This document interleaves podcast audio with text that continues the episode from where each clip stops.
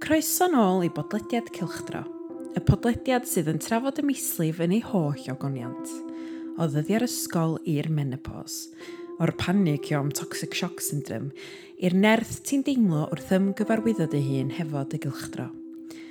Er bod hwn yn bodlediad sydd yn trafod y mislif yn agored, hoffwn bwysleisio fy mod i na neb arall ar y tîm yn cylchdro yn arbenigwyr ar y mislif, boed hynny'n feddygol neu'n academaidd. Mae unrhyw ffaith sy'n cael ei adrodd ar y podlediad hwn yn dod o ffynhonell allanol, ac os ydych chi'n arbenigwr ac yn sylwi mod i neu unrhyw berson arall ar y podlediad yn cael ffaith yn anghywir, please rhowch wybod i ni gael dysgu. Sgyrsiau gonest efo unigolion yn profi'r mislif ydy rhain yn unig, a hoffwn bwysleisio yn fama, mae nid dim ond merched sydd yn profi'r mislif, Mae'n rhywbeth sydd yn effeithio ar bob person efo ofris ac mae cilchdro yn estyn llaw i bawb. Mae pob penod yn ystod y gyfres yma yn edrych ar gyfnod penodol y mywyd y mislif, ac heddiw mi ydym ni'n mynd i fod yn edrych beth sy'n digwydd yn cilchdro ni pan dyn ni isio neu pan dyn ni wedi gael plant. Erbyn y benod yma, mi ydym ni yn ein eginiau hwyr 30 neu 40 y cyfrod pan da ni'n dechrau teimlo'n brwdi. Mae'r ffarmwr eisiau gwraig a rwan mae'r gwraig eisiau babi. Wrth gwrs, mae yna opsiwn dyddiau mae boicot i'r ffarmwr yn gyfan gwbl sydd yn gret achos dim pawb sydd eisiau ffarmwr. Ta waith. Hon ydy'r benod lle fyddwn ni'n trafod babis, bwydo a contraception. Hwyr. Mi o'n i bimp diwrnod yn hwyr pan nes i ddarganfod mod i'n feichiog am y tro cynta. Ac i lot ohono ni, yn mislif hwyr ni sydd bydd actually'n dod, ydy'r prif arwydd ein bod ni ella yn feichiog. O'n i'n hwyr bryd hynny a dwi'n hwyr heddiw. Ond dim mislif hwyr sydd gen i troma. Hwyr yn rhyddhau y benod yma. Bron i ddeuddag wsos yn hwyr, sef yr amser o'ch mislif dwytha eich sgan cyntaf tasach chi'n beichiog o hwyr. Dwi yn ymddeheir am fod yn hwyr.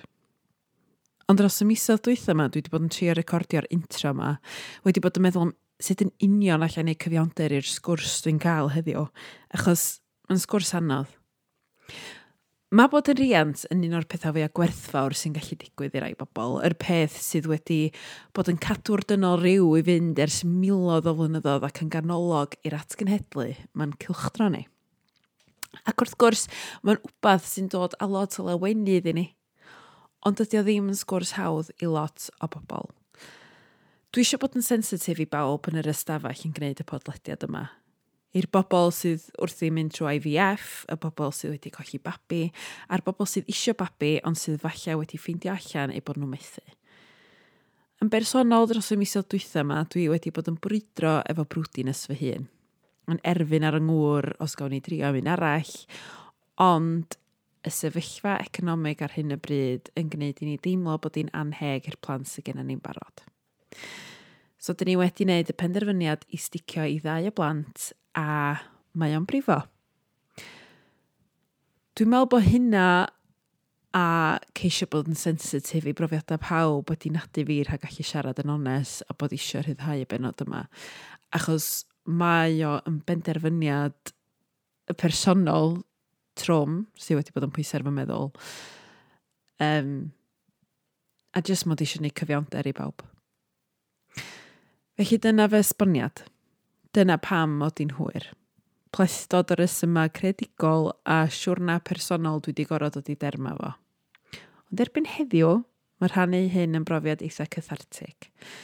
Ac os mae rhywun arall yn teimlo'r un peth a fi, os da chi wedi greu penderfyniad sydd eich wedi teimlo'n anodd, um, os da chi wedi bod yn brwydro fo'r meddyliau yma, a bod chi'n teimlo'n eog am gael y teimlad yma achos mae gennych chi blant yn barod, um, please cysylltwch achos mae o wedi bod yn broses rili really cymlaeth iddo fi. Um, o'n i wastad yn meddwl swn i'n cael teulu mawr a lot o blant a dwi'n meddwl mae just kind of deud wrth fi'n hun, na, dyn ni'n stopio fan efo dau a derbyn hynna wedi bod yn eitha anodd i fi. Um, ond dwi wedi cyrraedd lle rwan. Lle dwi'n teimlo'n well a di dod i dylera fo'r peth. Um, ia. Yeah. Mae o'n teimlo eitha cathartig rhannu hyn efo chi. Uh, os da chi yn teimlo'r un pethau fi, neu os da chi'n mynd drwy brofiad tebyg, please cysylltwch efo fi ar gyfryngau cymdeithasol at Mary Ellen Jones ydw ar Instagram. A na ni gael sgwrs, ond dwi'n meddwl mae o'n neis just rhannu hynna ac egluro weithiau mae pethau personol yn codi a mae'n neud o'n anodd i chi fod is... pa mi yn rhan o'ch gwaith chi, mae'n neud yn anodd i chi wneud yr gwaith achos mae o just yr peth yn cefn eich meddwl. Um, yeah. Yeah. Dyna ddigon o'n siwrna personol i. Fel rhan o'r benod heddiw, dwi'n sgwrsio efo Lleiki Sean, sgwenraig sydd yn andros o lyddiannus a sy'n gyfrifol am sgriptio lot o'r pethau da chi'n fwynhau ac y wylio'r esbydrec, fatha pobl cwm, round a round, gwaith cartra, da ni gyd yn cofio pa mor anhygol oedd gwaith cartra, a lot mwy. Dwi wedi gweithio fe lleici am bell waith a di ffeindio fe hun yn clicio fo'i naturiol. Mae'n un o'r bobl fwyaf hoffus a doniol dwi roed i gyfarfod a dwi jyst wrth modd yn ei chwmni hi. A fel nhw'ch chi glywed yn yn sgwrs ni heddiw. Um, nath y sgwrs mae gael ei recordio mis Mehefin dwytha, felly mae yna dipyn amser di bod heibio a mi nwch chi glywed lleiciau fi'n jocian dipyn am bethau fatha teimlo'n brwdi sy'n sy wedi bod yn eitha diddorol i fi rand yn ôl arno fo ar ôl i fi wneud ymhenderfyniad um, i byd i gael mwy o blant. A, ie. Yeah. Um, Dwi'n sgwrsio fe lleici am bob math o bethau yn ymwneud a'i chylchdro hi a'r cylchdro gyffredinol. Ond y prif beth dyn ni'n drafod ydy beichiogi be mae'r mislif yn ei olygu lleics a dulliau atal genhedlu. Mi fyswn ni hefyd yn hoffi gadael chi wybod bod Lleucu yn trafod ei phrofiad hi o golli babi yn ystod y benod yma. A'r holl goctel o deimladau sy'n dod law yn llaw efo'r profiad. Felly, os mae hyn yn rhywbeth da chi'n teimlo sa well gennych chi beidio gwrando arno fo, rhwch y podlediad i ffwr, cymrwch amser i chi'ch hun. Ond, ella, daw geirio llici a bach o gysur i chi. Yn dilyn y sgwrs efo Lleucu, mi fyddai yn rhannu beth gen rhai o'na chi i ddeud am wahanol ddulliau atal genhedlu a'ch profiadau chi arnyn nhw, a rhaglen ddogfen dwi'n ei wylio o'r enw um, The Business of Birth Control. Felly, dal, daliwch ymlaen a peidiwch yn mynd i'n unlla. Ond am rwan, dyma sgwrs gonest, ffraith a theimladwy hefo'r hyfryd Lleucu Sean. Be ti'n deimlo? Ti'n teimlo fwyaf angerddol amdano fo? A ti isio drafod o ran periods?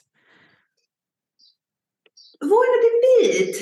Um, dwi just isio bod ni'n gallu trafod o heb deimlo'n embarrassed ac just nodi mae o'n fath really tough i ni gael bob mis. Um, mae'n ma trigro rhyw emosiwn gwahanol i ni bob mis, bod o'n hapus bod ni wedi cael period, gytu bod ni wedi cael period, bod y period ma really ddim ar yr amser iawn, so, ti'n poeni am the cycle wedyn, e, mae'r period yn hwyr, ti'n cael panic, ydw i'n disgwyl, efallai bod fi isio babi, a wedyn mae'r period yn rhoi gymaint o dor calon i chdi mewn ffordd. So mae ma byd yn ei wynebu bob mis, weithiau'n sioc i ni sydd yn ein teimlo'n period. So, dwi'n gwybod pam ti'n dechrau trio babi a ti'n eitha casual yn peth, o, oh, ti'n o'n i ddod off y pil. Mae'r period cyntaf na ti'n gael ar ôl dechrau trio, er bod chdi ddim yn trio go iawn, mae'n greu chdi sylw weithiau faint o tisio babi na pa mae'r ddesbryd wti am babi. Neu fel arall yn deugeiniau eich bod pa mor hapus oedd chdi pan oedd y period yn cyrraedd a bod chdi ddim yn disgwyl. So, dwi'n meddwl bod sut mae'n gwneud i ni deimlo ddim yn cael ei drafod lot.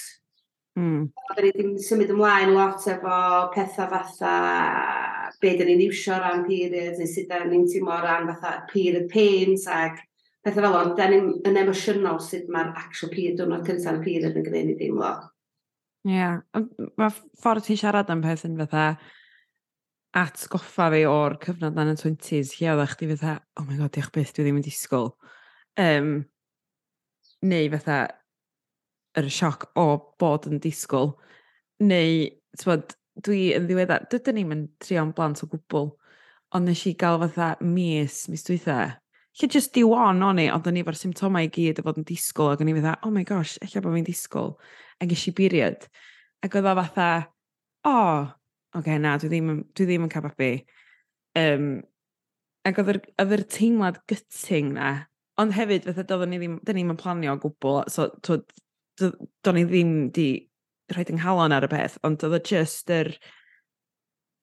Ie, yeah, yr tor calon a'r anob, anobaith weithiau, fatha, mae babi'n gallu symbolic gobaith weithiau, ynddi.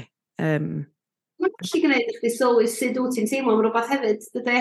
Mm. So, fel ti'n dweud, fatha, mae'n gallu gwneud chdi gwestiynu, twyd, oeddech chi ddim yn trio babi, ond mae'n gwneud chdi gwestiynu wedyn, fatha, god, o, dwi'n chyfach yn siomedig bod fi ddim yn cael babi hefyd, so dyna'n golygu bod fi eisiau babi, neu efallai bod yn dechrau sgwrs o leia efo partner lle, ti'n meddwl, lle ydyn ni, ydyn ni eisiau yn arall, ydyn ni ddim eisiau yn arall, ac dyma sydd nes i ddim o pan nes i gael y period yma lle. So mae o, mae'r emosiwn ti'n deimlo ar ddwrnod cyntaf pyr chdi weithiau yn gallu bod yn dipyn o sioc i chdi ac yn rhywbeth eich ti ddim wedi disgwyl ac yn rhywbeth eich sy'n gwneud eich chdi sbio na chdi dy hun fyrach. Yndi, ond fel ti'n deud, mae'n rhywbeth ti'n rannu hefyd fatha, os ti'n mewn perthynas, so mae gennau ŵr a wedyn bo chdi'n gael y trafodaeth na hefo fo a'r ffordd mae'r period yn ei effeithio fo hefyd, bod? a mae'r teimlad yma amdano fi am rhywbeth ella dwi'n deimlo dwi eisiau gwneud hefo, fatha dwi eisiau babi hefo chdi eto. Um, a mae o'n rhywbeth mwy na jyst rhywbeth sy'n digwydd i dy gorff. Mae'n, fel ti'n dweud, mae'n agor sgwrs mwy am dy fywyd a lle ti arni a beth ti isio. Um, Dwi'n rhaid i mewn amdano fo fel o blaen. Na, dwi'n meddwl bod y pwyslais gyda'r period ar yn hormons ni a sut ydyn ni'n teimlo. Mae gymaint o bloody memes annoying na ar Instagram am flipping lle ti'n gweld oh, I started my period today, that's why I was psycho with my husband. A ti'n meddwl, mae'n fwy na hynna, as in, Dwi'n meddwl bod ni yn trafod yr hormons a sut ydyn ni'n teimlo, ac eich o'n i'n teimlo actio out o character ddoe ac oedd hynna hod y hormons. Ond sut ti'n teimlo yn yr eiliad na pan ti yn actual dechrau fo, dechrau'r period, as in, dim o hwnna'n gynnwch chdi deimlo, achos fel dwi'n dweud, weithio mae'r emosiynau chdi ddim yn disgwyl yn dod allan. Mm. Um, achos dwi'n gwybod ar ôl nes i, nes i gael miscarriage, Ac um, dwi'n meddwl bod chi'n delio, yn bersonol, nes i ddelio efo'r miscarriage yn eitha corfforol, ac so ni'n meddwl lot o boen, so unwaith o'n i'n canolbwyntio ar wella'r boen corfforol, ac eich ddim yn meddwl o boen emosiynol. A dwi'n meddwl na y ffaith bod fi wedi colli'r babi titio fi tan i fi gael y period cyntaf na ar ôl cael y miscarriage. A na, o bod o bron iawn signal gyn y bren, efo bren wedi deitha fi es tair wsos, ti wedi colli'r babi, ti wedi colli'r babi, nath o'n hitio fi'n emosiynol tan i fi ddechrau'r period na, a hwnna oedd y cadarnhad i fi, a dyna pryd nes i eich ddechrau dy gymod a gael aru fo be oedd i ddigwydd unwaith oedd y period na ddechrau, bod o'n jyst yn symbol i fi, oce okay, iawn, ddim dechrau eto gen i yn dechrau tri yn babi eto. Oedd o, hef, oedd o yn, er, dwi'n gwybod bod chdi'n dweud bod o'n alaru ar, a dyna sut nes di, sut pryd nath o hitio chdi rili really, a, a cadarnhau y peth i chdi, Ond oedd na rhyw elfen ohono fo yn cynnig gobaith i chdi fatha, oce, okay, mae nghorff i dal yn gallu ofilatio achos bod y period wedi, ta, oedd o'n, nes, oedd o mor, just yn gawaru. Dwi'n meddwl pan ti'n colli babi, ti'n colli lot o waed beth bynnag, a wedyn nath y gwaed yna stopio. A dwi'n yn gwybod os yna rhywbeth yn cefn dy ben di meddwl, ti'n gwybod bod, bod chdi wedi colli fo, so ti wedi bod yn ysbyty, so mae'r doctoriad wedi cadarnhau o, mae, mae babi wedi gadael dy gorff di mewn ffordd pan ti'n stopio'r gleidio yna. Ond mewn ffordd wedyn, oedd yna gap o stopio lle ti, ti dwi'n gwybod o rhywbeth yn cernel, chyn, o, lle bod wedi cael yn wrong, so mae, mae wedi stopio. So unwaith wedyn mae'r gwaed yn ail ddechrau, y cadar na, a dwi'n meddwl oedd na obaith i fi ar y pwynt yna. Dwi'n meddwl hwnna, reit, mae rhaid chdi dderbyn hyn rwan, ac mae, mae dy gorff di'n symud ymlaen, dydy. So mae rhaid, o, ni'n gorau symud ymlaen hefyd. Ti'n dweud fel, oedd mhm. pyr yna oedd yr corff i'n dweud, reit, mae hwnna di wneud, mae rhaid, so, So, I suppose mae yna ddechrau, mae corff di yn cynnig dechrau newydd i chdi, ond ddim, o, o fi'n di teimlo fo ar y pryd. Lle. Na, bod dyna sut nes, ond, ond hefyd eich bod dy gorff di wedi rhoi i'r cyfle na i chdi brosesu fo tywod, fel o'ch ti'n deud, oeddech chdi fatha, na, lle bod nhw wedi gael o'n wrong. Um, ond bod y, bod y corff wedi helpu chdi allan gwynebu fo.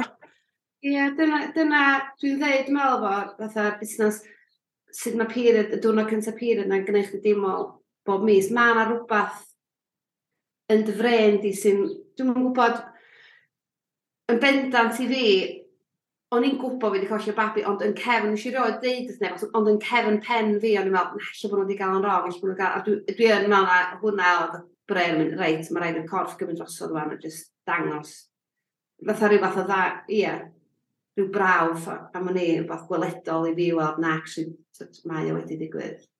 A mae rhywbeth mawr hefyd, mae dy gorff ti'n gorau mynd drwy fyd, dydy? Ie, ie. Mae ma dod dros dy fo'n gorfforol yn un peth, ond dwi'n dwi, lwcus, lwcus iawn, dwi, dwi rioed di cael um, miscarriage ond dwi'n nabod bobl sydd wedi, a mae o'n mae o'n broses hir o alaru, a oedden ni'n sôn cyn ddechrau recordio, dydyn ni ddim yn sôn am y peth ddigon. Um, o ran, dwi'n gwybod, ti, na i adael chdi ddeud, achos... Ie, yeah, dwi'n meddwl, mae o'n... Um, Dwi'n meddwl, ie, mae o'n stad a laru a mae o'n... Mae o'n rhywbeth lle ti'n teimlo'n... Mae'n teimlo'n rili really cymysglyd hefyd, achos ti'n galaru a ti'n eisiau gadael o fynd, ti'n gorfod gadael o fynd yn amlwg. A wedyn, oeddwn ni'n lygo'n lwcus i gael babi ar ôl hynna na prodri gyrraedd. A wedyn ti'n kind of meddwl, weithiau ti'n teimlo'n euog am dal a laru achos ti wedi cael hodri ac os nas hynna wedi digwydd, sa'ch so wedi cael y babi yna. So mae'n rili, really, rili really cymysglyd a mae'n A pan dwi yn meddwl am peth, weithio mae'n eogrwydd ydy, achos dwi'n mor lwcus ag ar hodri, ac os, ond oedd, oedd hynna'n gorau digwydd i ni gael hodri hefyd, so mae'n deimlad andros, andros y gymysglyd, ac dwi'n meddwl bod yna ddigon o bobl siarad am peth, achos dwi'n meddwl unwaith ti'n dechrau siarad am peth, efo, unwaith i gweld criw o ferched, bydd yna o leia un neu ddwy, dair, bedair weithiau, di bod drwyddo fo hefyd, ac eich bod nhw'n ffrindiau da i chdi, bod chdi'n di sylwi, neu bod chdi'n di gwybod, achos bod pobl wedi cadw fo'n ddistaw. Dwi'n meddwl, mae pobl yn cadw i bechogrwydd yn ddistaw mewn deuddeg wsos cyntaf, jyst rhaid gofyn i rhywbeth ddigwydd. A wedyn pa mae rhywbeth yn digwydd o fewn y deuddag wsos na, bron iawn bod chdi'n gorfod ti cadw'r miscarriage yn gyfrinach hefyd wedyn. Um, so dydy pobl ddim yn cael cyfle maen nhw'n cael ar eu hunan a ddechrau ddim yn cael y cyfle i siarad am y galor yna gymaint o fysach chdi fel arfer. Mm. A mae, mae o'n, fel ti'n dweud, mae o'n, mae o'n effeithio arna chdi a mae o'n alar bod, tifn dydy, achos mae'r pan ti'n disgwyl, ti'n teim, mae dy gorff di'n, ti'n teimlo fo yn dy gorff di, dwt. Um, er... er... ti'n fan yn syth, dwyd, as in, ti, ti di dechrau gwneud cynlluniau yn y ben yn sydd ddim do. Gymaint ag, a gymaint ti'n dweud wrth bobl, o oh, wel, mae sgan dweud ag wso, ti'n gwybod beth yn ei ddigwydd. Ti'n mynd disgwyl i'r no. beth yn ei ddigwydd i chdi yn y gwrs. Ti'n no. disgwyl i'r sgan na. Yn bendat o gynnau ddwy o ferched cyn hyn, so o'n i wedi cael dau sgan hollol iawn. So oedd hwn yn hollol iawn hefyd. So o'n i'n denial hefyd, so pam nes i ddechrau gweithio e? A nes i ffonio'r midwaith oedd ddeol, paid a panig. A do, ni ddim yn panig o gwbl. So i'n meddwl, na, na, neith hyn yn digwydd i fi, neith am digwydd i fi. Achos dwi'n meddwl, ti'n yn sylwi gymaint o bobl mae o'n digwydd. So, ie, yeah, mae o'n... Mae o'n odd, mae'n broses odd, ond ie. Yeah. Dwi'n meddwl es car hodri mae'n mynd yn broses fwy cymleth achos bod nhw'n euogrwydd yna hefyd os ydw i'n... Ie. Yeah. Dal yn drist yma'n peth hefyd achos bod na rhywbeth mor hapus yn, yn diwedd, ti'n fo? Ond oeddech chdi'n gallu siarad efo'r... Mae nhw dal yn ifanc dy blant di, ond ti'n meddwl fyddi di'n siarad efo dy blant am peth? Um, byddaf, byddaf, dim... Dwi'n meddwl bydda i'n siarad lot... Dwi'n meddwl byddwn ni fel cenhedlaeth yn siarad mwy fan plant am fwy na so, period a sex, to byddwn ni'n ymelaethu fwy, dwi'n meddwl, to byddwn ni'n eich dysgu nhw fwy am to ovulation ag be mae period, sut mae period yn gwneud ni deimlo fwy na just cramps bol, ond sut mae'n gwneud ni deimlo'n emosiynol.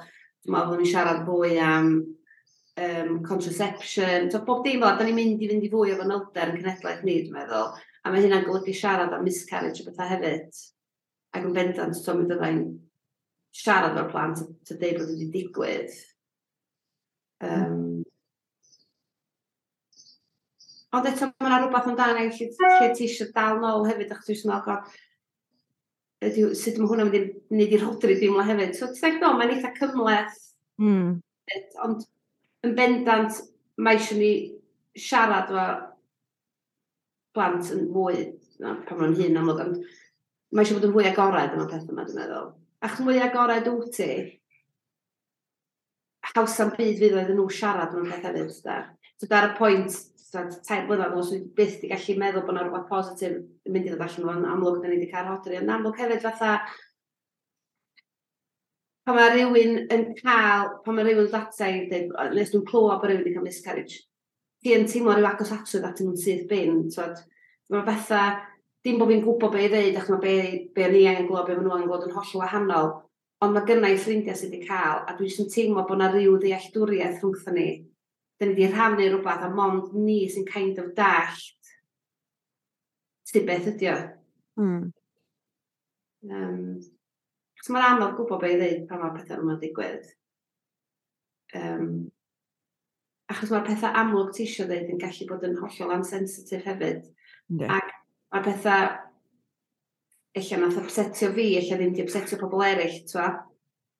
Um, achos er enghraifft, wbeth o'n i ddim yn gwybod ar ôl fi gael, o'n i'n ysbyty, a nath na'r midwaith o dati fi siarad, a nath nhw dweud, um, so dat bod chdi wedi colli'r babi yn ysbyty, mi fedrwn ni'n gwneud fatha llwch y babi os eisiau fa.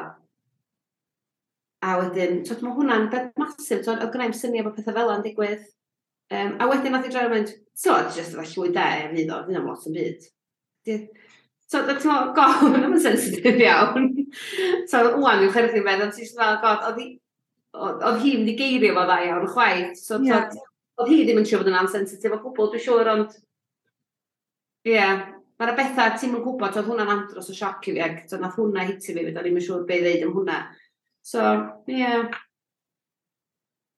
Mae hwnna'n beth mawr. Mm. Do'n i'n gwybod hynna. Ie. Yeah. Mm. Yma, pan ti'n... Ie. Yeah. Sorry, dwi'n teimlo fatha... Um, ti eisiau cymryd dau funud bach? Na, dwi'n rhaid. Iawn. Yeah. Sorry, dwi'n teimlo fatha, mae'n sgwrs mor ddwys a dwi fatha, dwi ddim isio teimlo fatha bod fi'n um, bod yn... Dwi'n dwi eisiau teimlo dod ar draws yn ansensitif chwaith yn sôn am gwybod. Na, dwi'n gwybod. A dwi'n dwi mynd hollol off topic hefyd yma mai, fel fan i'n fod yn siarad am periods ag... Na, ddim o gwbl, mae'n braf. Um, na, ma dwi'n rili... heddiw meddwl bod ni wedi siarad am tod, anghofio tynnu dy darpon allan ar rhywbeth. A da ni wedi mynd hollol. Wel, sôn am um, llwy de, gael bach o ffeithiau periods. Hmm. Ag fel arfer, mond tua dau neu dri i'r llwy fwrdd. Beth sy'n dweud? Dau neu dri llwy bwrdd. Ah. O waed, o waed ti'n golli yn ystod pob seicl. Just yna? Ie. Yeah. Mae'r rhai bobl yn amlwch, amlwg yn gael nhw'n lot trym. Amlwch? amlwch. Rhai bobl yn amlwch. Mae rhai bobl yn amlwg yn cael periods trymach.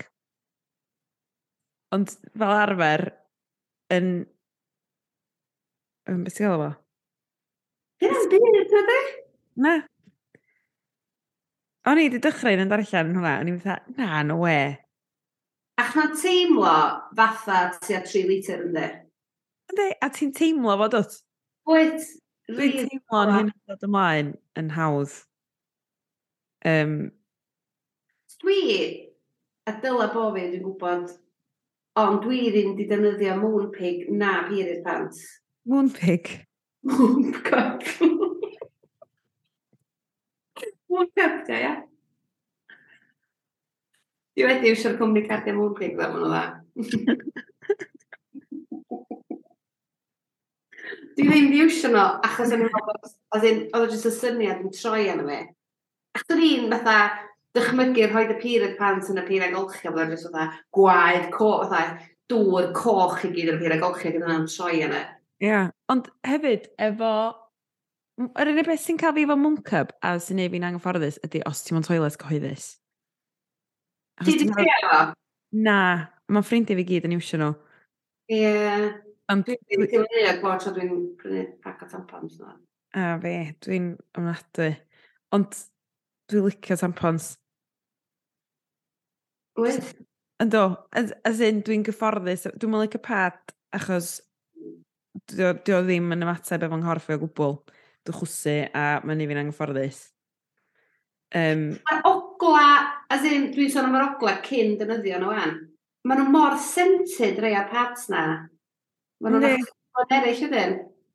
Ynddi, ond hefyd mae nhw'n fawr, dydyn? Ynddi, mae nhw'n ma achos i thresh, ynddi. Ond dwi erbyn hyn di cael y coil. O! Oh. Dwi ddim yn cael period. A mae'n really odd achos dwi'n kind of teimlo bod fi'n methu fo. Ie, yeah, o'n i fel a... Mm. Bizar. Mae fatha, mae period oedd ryw hen ffrind ti'n heitio, ynddo? Yndi, fatha toxic friendship. Ie. Yeah. Um, so rwan dwi'n gweld o'n odd bod fi ddim yn cael o. A ie, yeah, dwi'n cael ei fo. Pan o'n i'n bwydo, o'n i'n cael period tan i fi stopio bwydo. Yeah. Ac achos bwydo ar gen, wel, plant am ta blwyddyn, ges i'n period am blwyddyn extra, ac o'n i'n wrth y modd yn byd cael period adeg yma. Ac dwi'n meddwl kind of, o'n i'n dall pam bod fi ddim yn cael period, ond dwi'n bod fi'r coel, dwi'n gweith yn dall, dwi'n iawn, beth yw'r coel. Na pam bod fi ddim yn cael period. So, mae fatha bod fi'n teimlo'n anghyfforddus ac yn bach yn nerfus yn hynna. Mm, be, be ges di'r non-copper coil? Yr er, un sy'n dechrau, mm. Ti'n gwybod lot o ddiddordeb. Ac yn lot o ddim chwyrndol ti'n gael. Yr un efo hormon ta, na? Yr un efo hormon, meddwl. Ah. Ti, ti, mae gen ti am bum mlynedd. Yndi, sut mae'n eich di, nes di sylwyr newid yn eich di? Na, mae'n ofnadwy boenus i'r fewn. Dwi eisiau pawb gwybod hynna. Yndi. Dwi'n ni'n gwybod hynna. Nath yn ffrind i, chwarae teg, noson cynt a dweud, dwi'n eisiau chdi'n fewn i hyn, ddim yn meddwl bod boenus, mae'n infernol boenus. A nes i dal fel, bydde'n iawn, fi wedi cael tri o blant. Na, mae o'n rili, rili boenus. A chydig fi'n eitha boen ydi o, ond mae o'n lot o boen. Ond diolch brifo chdi bach am ddwrnod wedyn, fyd, ne? Ne, yndi, rhyw crampio bach dwi'n yndi. Ie. Yeah. Just, sot, dwi'n mynd dweud na dyma ben nes i, ond eich sa'ch chi eich milcio am ta wsos? dwi'n mynd awgrymu na dyna nes i yng Nghymru, ond so mae'r ma posibl roedd yna. dwi'n methu cerdd at, dwi'n methu neud y school pick-up. Fedra i ddim codi heddiw, sori. Coil. Mae'n ddiddorol ynddi sut mae, sut mae gwahanol contraception yn effeithio dy periods di. Ie. Yeah. Achos mae'n lot mor rhan fwyaf bobl yn cael o, a just peidio cael period o gwbl. Ynddi. Um, a tyd, dyna ni wedi gobeithio sy'n digwydd i fi. Ar y funud, just bot dwi'n cael, so efallai fod dyna ni wedi digwydd i, fi. ond eto fel dwi'n dweud, dwi'n kind of methu'r... A you suppose, y consistency na dio de, o rhywbeth ti'n gwybod ni digwydd bob mis i chdi. O gennau ffrind efo'r implant, ac oedd hi'n cael ddim periods, a wedyn oedd hi'n cael, oedd hi'n cael periods am chwe mis. Non-stop. Bob dydd am chwe mis? Mm. Oh. Sawl llwy fwrdd oedd hwnna, sgwini? Ond dwi'n meddwl, oedd yr... Faint i hir mae'r implant i fewn? Mae'r coil yn 5 mlynedd, dwi'n meddwl bod implant yn 5 mlynedd na chdi. Na, ma... Fyna fa bwlet bach yn dyfraich, ti'n chi gweithio'n dweud? Ti'n teimlo na dod? Wed, oedd hwnna'n troi yna fi am rhywbeth o'n. A fi, oedd rili codi pwysau yna fi achos chdi'n chi symud o. Ie, Dwi'n cofio hi, oedd hi jyst ddim yn cael periods arno fo, a wedyn chwe mis ola, nath hi jyst cael period bob dydd. Ie, dwi'n meddwl bod y chance o hynna i ddigwydd, mae coel yna hefyd. Dwi'n meddwl bod o'n digwydd yn aml, ond dwi'n eitha siŵr bod rhywun wedi dweud bod yna chance yn gallu digwydd. Mae'n, mae'n, fatha, dyna di peth, ond dwi'n hefyd efo lot o ffrindiau sydd yn cymryd y pil non-stop fel bod nhw ddim yn cael periods, achos... A, ie, ie. Bod periods yn effeithio ar nhw mor negyddol. Ie. Yeah. Mae well. Mae'n bonus o pil, ti'n gallu dewis os ti'n cael period dy byd o dweud. Wyt, a mae fyny eich di reoli fo. Ond dwi'n dwi un o'r... Dwi just ddim ar un byd, achos... Wei! Dwi'n gwybod Wei! Um, dwi'n gwybod pam, dwi jyst ddim yn licio yn byd. Ie, yeah, o'n i... Mae jyst yn ei fi mor weird, sti. A dwi wedi trio ffeindio pills felly sy'n siwtio yn dyn nhw ddim. Yeah. Um, a dwi ormod of yn gael y coel achos bod fi'n gwybod beth mae'n brifo. Chydig funudau boen ydi o, ond mae o'n, mae o'n boenus. Da.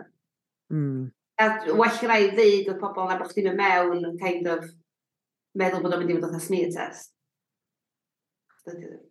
O, di smear test ddim yn brifo fi, gwaith yna? Na, di smear test yn brifo gwbl. Ond o, ti'n fatha jyst yr eiliad bach yn ifir na diodau, lle ti jyst da, ww, ond mae'r coel yn dipyn mwy na hynna. Ond, maen nhw'n deud, o'n ffrind i'n deud, gath hi fo yn reit fuan ar ôl cababi, a mae'n brifo llai os ti'n rhoi dy fewn. Ar ôl babi? Ie. Yeah. Oh. So, dwi'n meddwl, dwi'n meddwl, reswm arall chdi cababi. Heard it here first, guys. Dwi'n poeni fan, mae hwn yn dod allan am pobl yn mynd, o, sgwni prigydd, Mari'r trydydd babi fe. Ie, Mari, diwedd, coel, ta babi.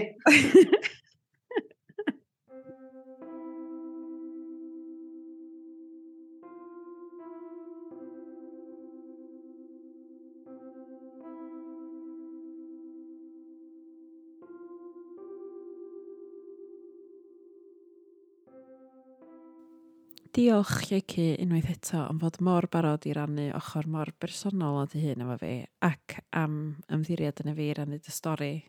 Dwi'n siŵr bod geiriau Lleci wedi dod â lot o gysur i rai o'na chi a dwi'n meddwl mai dim ond lleics sy'n gallu mynd o'r dwys i'r digri fel ma hi. Felly diolch Lleci. Ond rwan mae'n amser troi at y chi a'ch profiadau chi efo gwahanol ddulliau atal genhedlu. So, o'n i a Lleics yn sôn chdi bach ar am yn profiadau ni. Um, ond ychydig fisodd yn ôl uh, erbyn hyn, o'n i wedi bwriadu'r hyddhau benod ma'n syth ar ôl gofyn y cwestiwn ar fy Instagram, ond ychydig o fisodd yn ôl nes i rannu cwestiwn ar fy Instagram yn gofyn os oeddech chi ar unrhyw contraception ac os oeddech chi sut yn effeithio na chi. A wnaethoch chi ddim, sio mi, felly dyma rai o'r atebion ges i. Coil copper wedi wneud periods lot trymach a cramps lot gwaith, ond braf callai o mood swings masif difaru mynd ar y pil am mor hir. Nath na gwmwl mawr codi y munud nes i ddod off fo.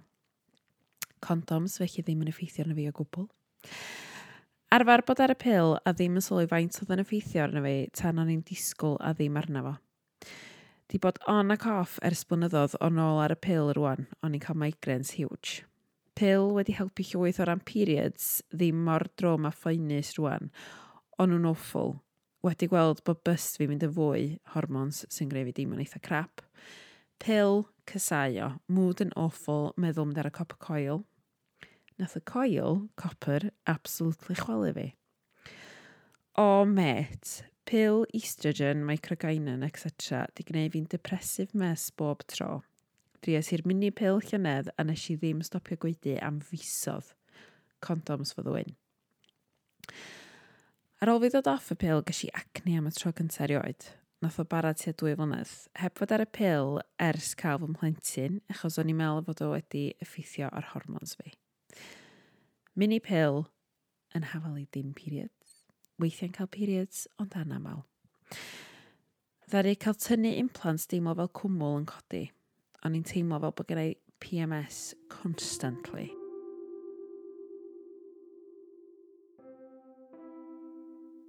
So, peth cyntaf, dwi'n meddwl, dwi'n sylwi am y negeseuon ydy, mae yna fwy o bethau negyddol yn cael ei ddeud na bethau positif. Er bod yna bethau positif yn cael ei ddeud, e, mae'r mwyafrif ohono fo'n eitha trwm o ran yr effaith corfforol negyddol, neu meddyliol mae wedi cael yn negyddol.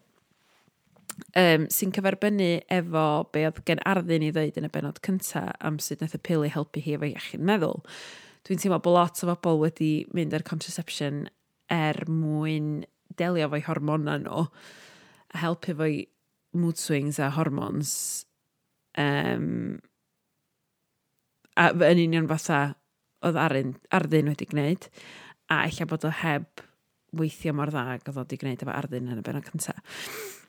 Um, ond dwi yn teimlo bod yna lot o waith ymchwil sydd dal angen cael ei wneud o gwmpas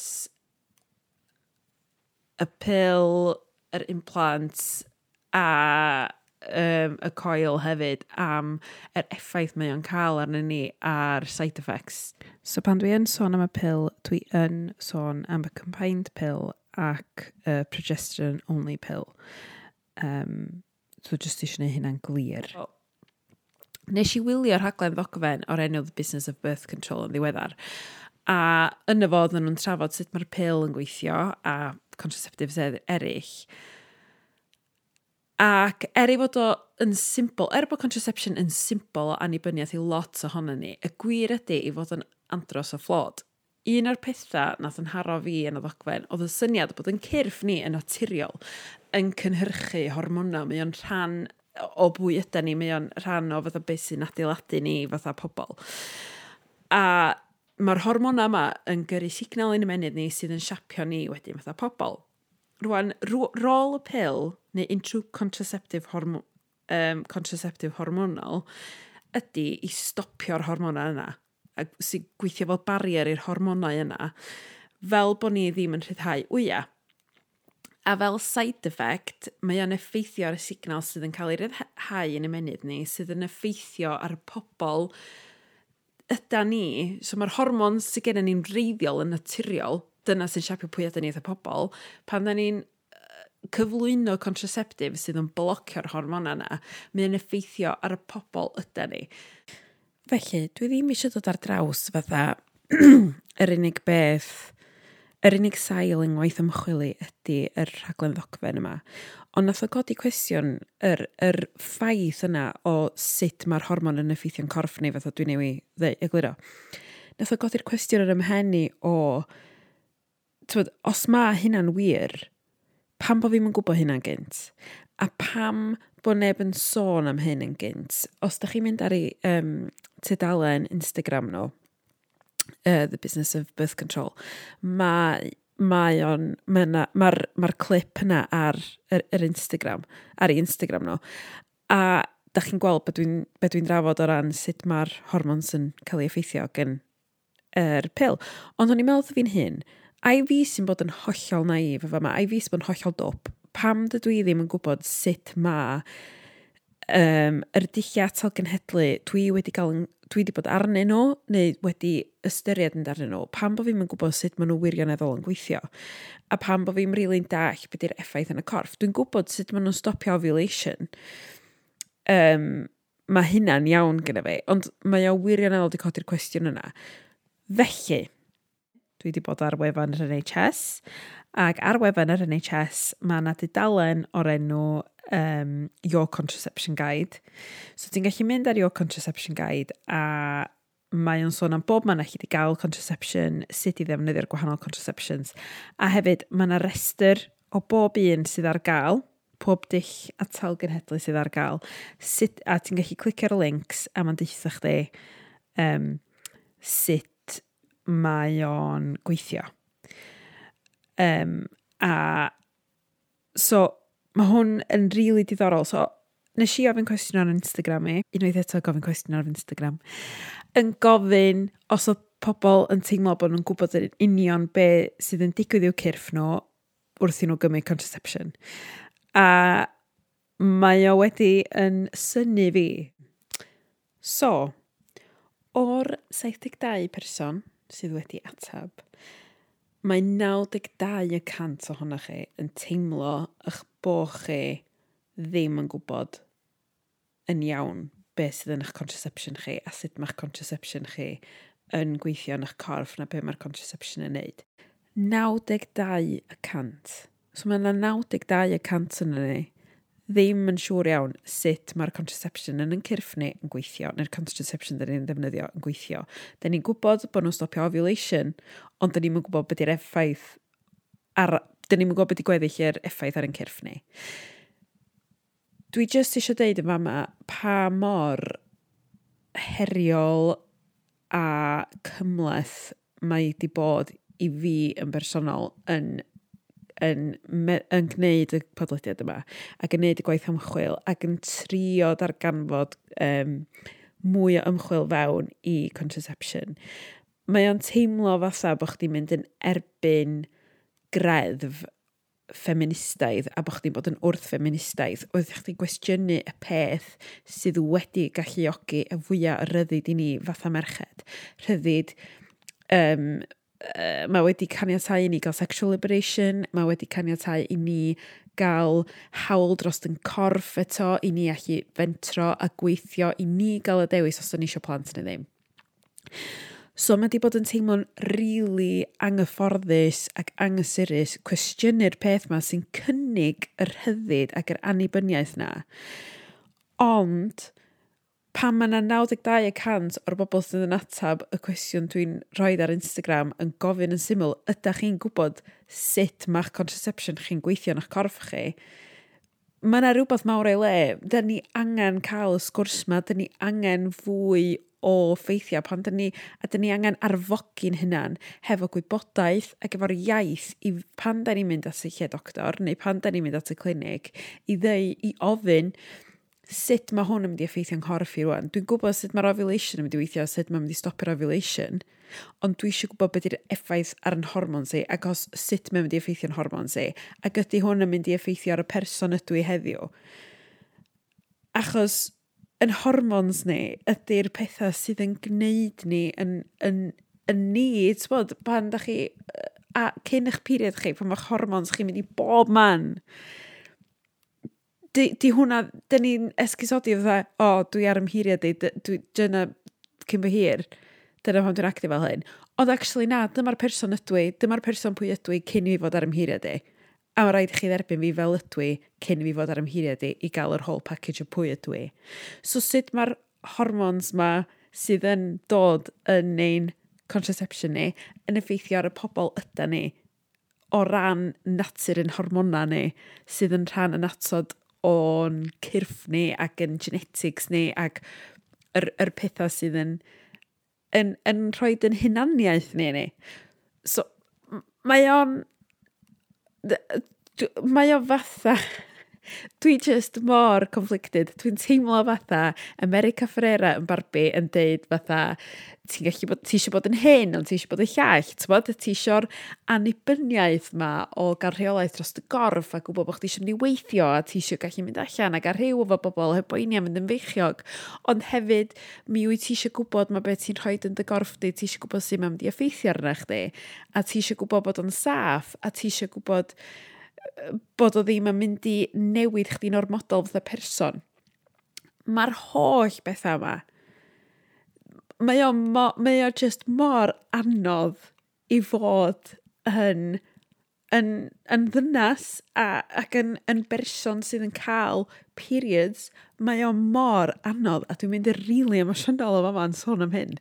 Ond oh, o'n i'n cael sgwrs yma ngwri am hyn bore yma, achos o'n i'n, o'n i, oedd yr gwaith yma o'n i'n neud, mo, mae jyst i fod y chwarae yn meddwl i drosodd y drosodd, ac o'n i fatha, dwi'n mwyn gwybod sut dyn ni beth yn mynd i ennill, achos dyn ni methu dibynnu ar y dynion i wneud o.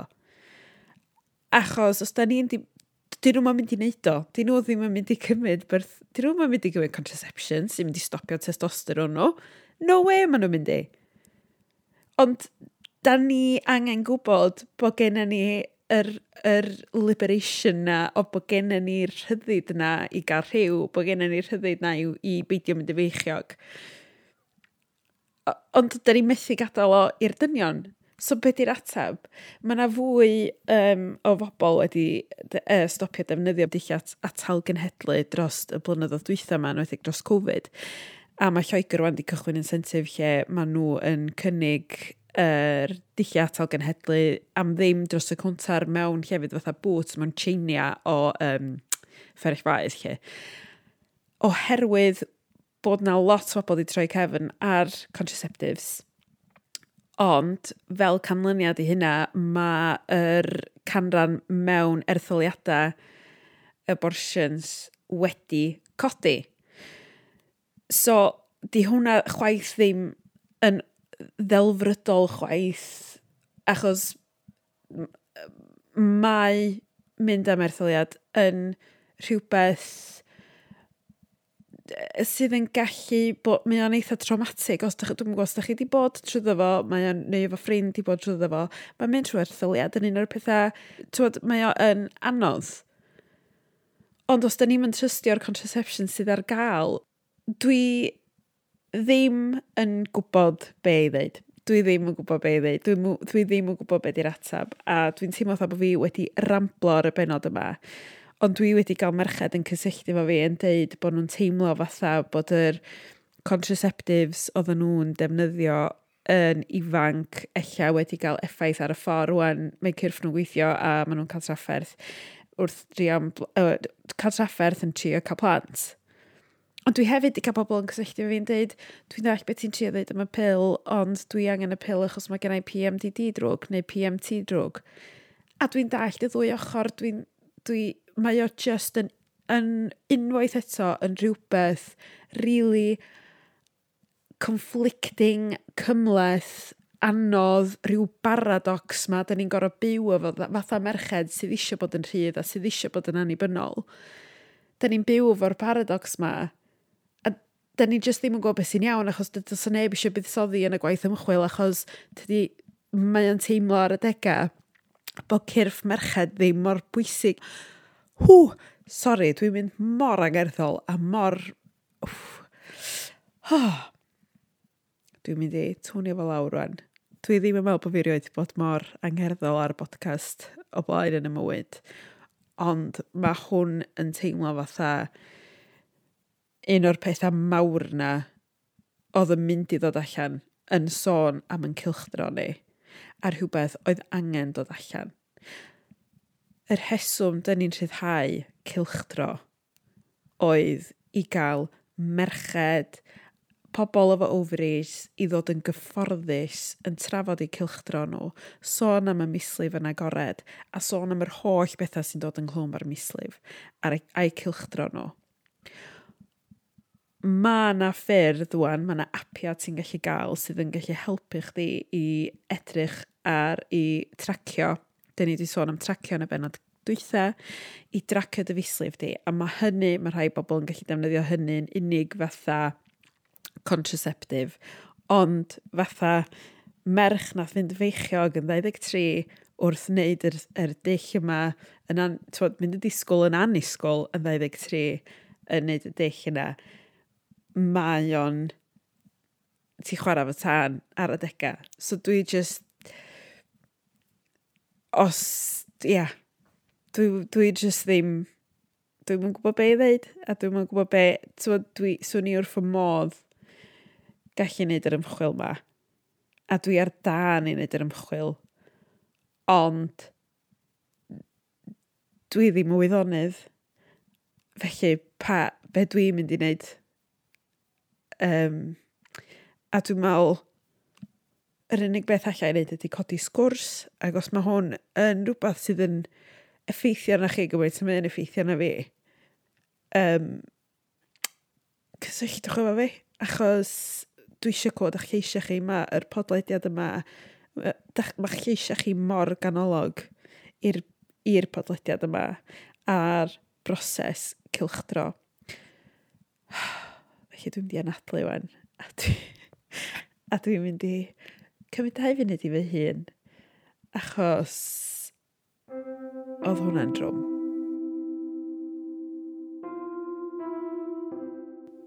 Diolch gymaint am rando. A diolch gymaint am rannu barn efo fi, am gysylltu efo fi, mae'ch lleisiau chi mor ganolog i'r podlediad yma. Sa'r podlediad yma ddim yn bod, o'n i bai am eich safbwynt chi, a chi'n ateb yn cwestiynau fi, a chi'n cysylltu fe fi yn siarad am eich periods. Chi sydd yn gwneud y podlediad yma weithio, a dwi'n gobeithio bod chi yn dallt faint ydw i yn gwerthorogi eich lleisiau chi ac eich negeseuon chi. Diolch unwaith eto i Lleici Sion, Lleici yn berson ffantastig sydd wedi siarad mor onest, mor onest, mor ffraith, mor ddoniol am ei phrofiad personol hi o i alaru am fabi, ond hefyd y profiad o dod dros hynny a ti'n mae gen i lle cystori mor bositif ar y diwedd um, ond dyn ni ddim isio anghofio, ti'n eisiau anghofio beth sydd wedi bod drwy i gyrraedd y lle da. Mae Lleucu mor yn, yn sôn am y peth mor brydferth a mor lyflu. A diolch am fel ewer y fi am mwmpig a gwneud y sgwrs lifo yn llawn hwyl. Am bod ni wedi troi wedyn i sôn am ddilliau atal genhedlu nath sbarduno'r gwaith ymchwil mae gyda fi o ran sôn am sut mae gwahanol contraceptions yn effeithio na ni. Achos tyda ni... Dwi'n mynd i fynd ar y rant eto. Diolch fawr iawn i chi gyd am rando. Da chi wedi bod yn gwrando ar bodlediad cilchdro efo fi, Mari Elen. Mae'r gyfres yma wedi gynhyrchu, ei gyflwyno a'i ymchwilio gyda fi.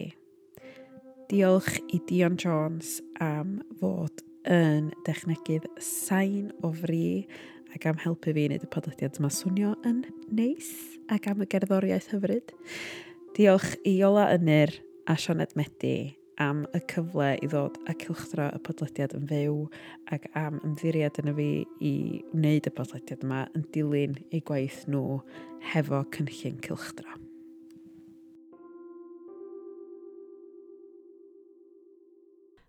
Ariannwyd y podlediad yma gan Gynllun Urddas Mislif Llywodraeth Cymru trwy Gyngor Gwynedd.